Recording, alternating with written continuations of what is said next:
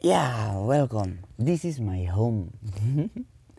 Sebelumnya, apa ya? Gue mau minta maaf dulu nih. Gue minta maaf sebagai pembukaan. Gue minta maaf sebenarnya buat temen-temen gue gitu kan. Yang sebenarnya tuh uh, udah banyak yang kayak nyuruh gue buat bikin beginian, nyemangatin gue, support gue. Dalam artian ngomong, coba aja lu bikin co, siapa tahu bisa bermanfaat buat orang dan bisa jadi gambaran buat orang lain yang denger gitu kan sebelumnya makasih gitu. Dan gue juga minta maaf gitu. Minta maaf karena baru saat ini dan baru kesempatan kali ini gue baru bisa ya bikin yang namanya beginian. Apa ya nama kerennya podcast mungkin. Ya podcast. Ya intinya gue minta maaf buat teman-teman gue baru bisa kali ini gue bisa bikin podcast. Oke selanjutnya kita langsung masuk aja ke dalam topik ya. Hmm, banyak yang udah nge DM hmm, atau ngomong secara langsung ke gue tuh kayak apa ya uh, co coba dong tolong gue pengen denger nih pendapat lo dan sudut pandang lo. Gimana sih soal percintaan Widi percintaan di era milenial ini gitu kan. Yang mungkin sering orang bilang tuh generasi milenial itu generasi barbar. Entahlah semua orang punya penilaian beda-beda. Jadi di sini kita bahas soal percintaan khususnya di generasi milenial gitu kan. Oke langsung masuk aja ke dalam topiknya. Hmm, dari ruang lingkup gue sendiri nih ya, terlebihnya dari guanya sendiri dan orang-orang lingkungan gue tuh, hmm, gue sering banget yang namanya denger tuh temen-temen gue gitu kan curhat soal pacarnya gitu. Ya gue di situ mensisikan diri gue tuh sebagai ya udah pendengar yang baik gitu loh ya walaupun sebenarnya ya gue juga belum baik juga di dalam dunia ini gitu kan. Belum bagus juga gitu. Karena cuman gue di sini mau belajar gitu intinya sih. Yang sering gue denger dari teman-teman gue tuh kayak curhatan soal co uh, lu tau gak sih kenapa? Gue bilang gitu kan kata dia uh, gue putus tuh sama cewek gue. Hah? Gue kaget dengernya. Kenapa gue kaget? Jadi karena sebelumnya nih hubungan mereka nih sebenarnya waduh romantis abis. Romantis abis so sweet abis humoris abis gitu kan. Yang bisa dibilang kalau lagi makan di cafe bikin snapgram kalau lagi makan di pecel lele bikin snap WA pokoknya semuanya diumbar di dalam sosial media gitu kan. Karena menurut gue tuh setelah gue lihat-lihat apa yang diupdate itu gue bilang wow keren hubungannya baik-baik aja gitu kan baik nggak ada masalah gini-gini. Tapi dia datang ke gue bilang kalau dia diputusin dengan suatu alasan yang menurut gue this is incredible bro. Kayak wow luar biasa alasannya loh jadi alasannya dari pihak cewek ceweknya ini ninggalin temen gue tuh dia bilang kayak e, aku mau putus. Hmm, kamu terlalu baik buat aku. What? Terlalu baik men gimana ya? Uh, dari gue sendiri nggak habis pikir gitu. Kayak denger alasan lo terlalu baik buat gue dan gue nggak baik buat lo. Ya elah men. Semua manusia juga nggak ada yang benar-benar baik. Sekalipun dia ustadz dia pendeta atau dia suku agama mana kah? Karena di dunia ini belum ada yang namanya yang benar-benar bersih.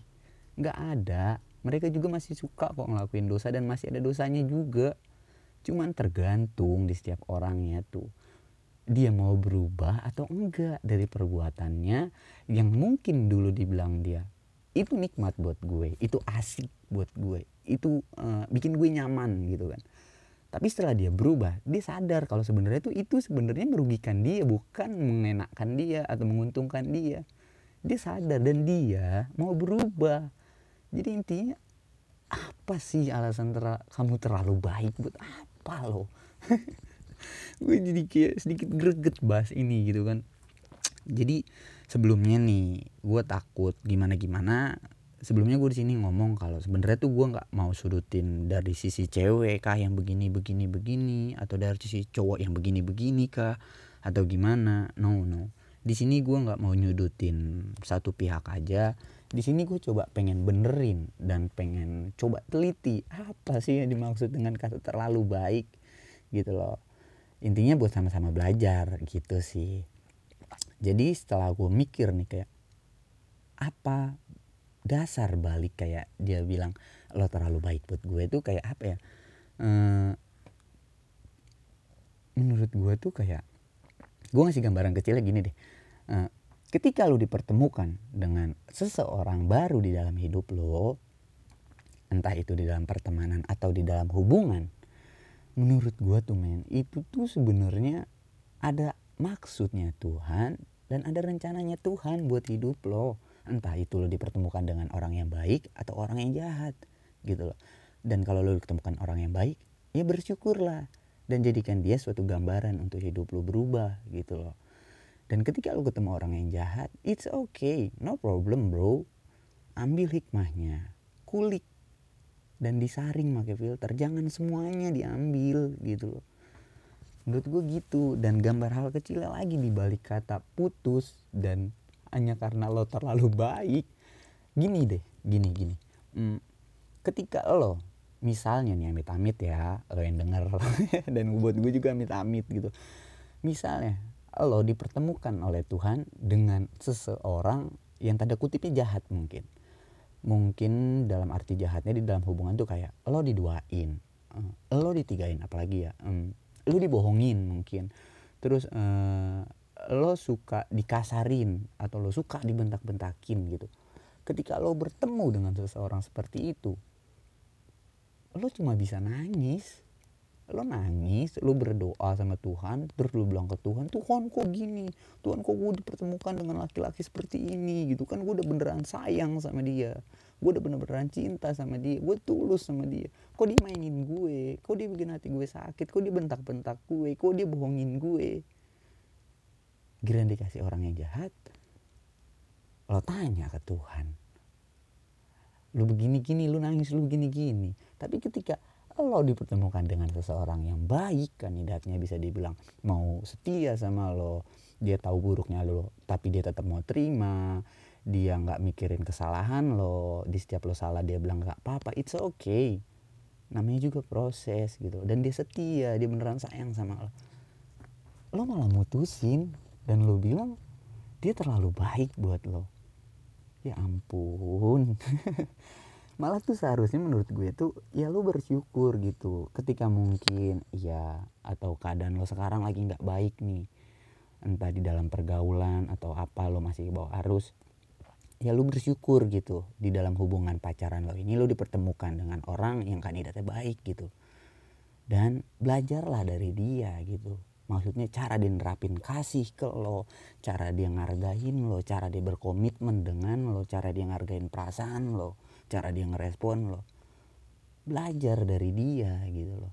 Bukan malah lo bilang dan lo putusin dengan alasan lo terlalu baik buat gue. No nggak gitu sebenarnya.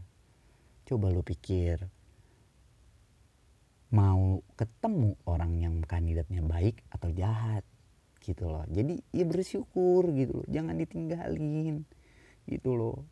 Dan kalau bisa ya udah rangkul kenceng-kenceng. Karena menurut gue nih ya kayak di era sekarang tuh uh, mungkin khususnya laki-laki atau perempuan juga apa ya buat ngomongin kata setia dan komitmen benar-benar komitmen tuh mungkin kalau dipersenin nih ya uh, 30% kalau menurut gue ya karena ya gue lihat kayak hubungan di lingkungan teman-teman gue juga kayak ya ya ya intinya ya deh.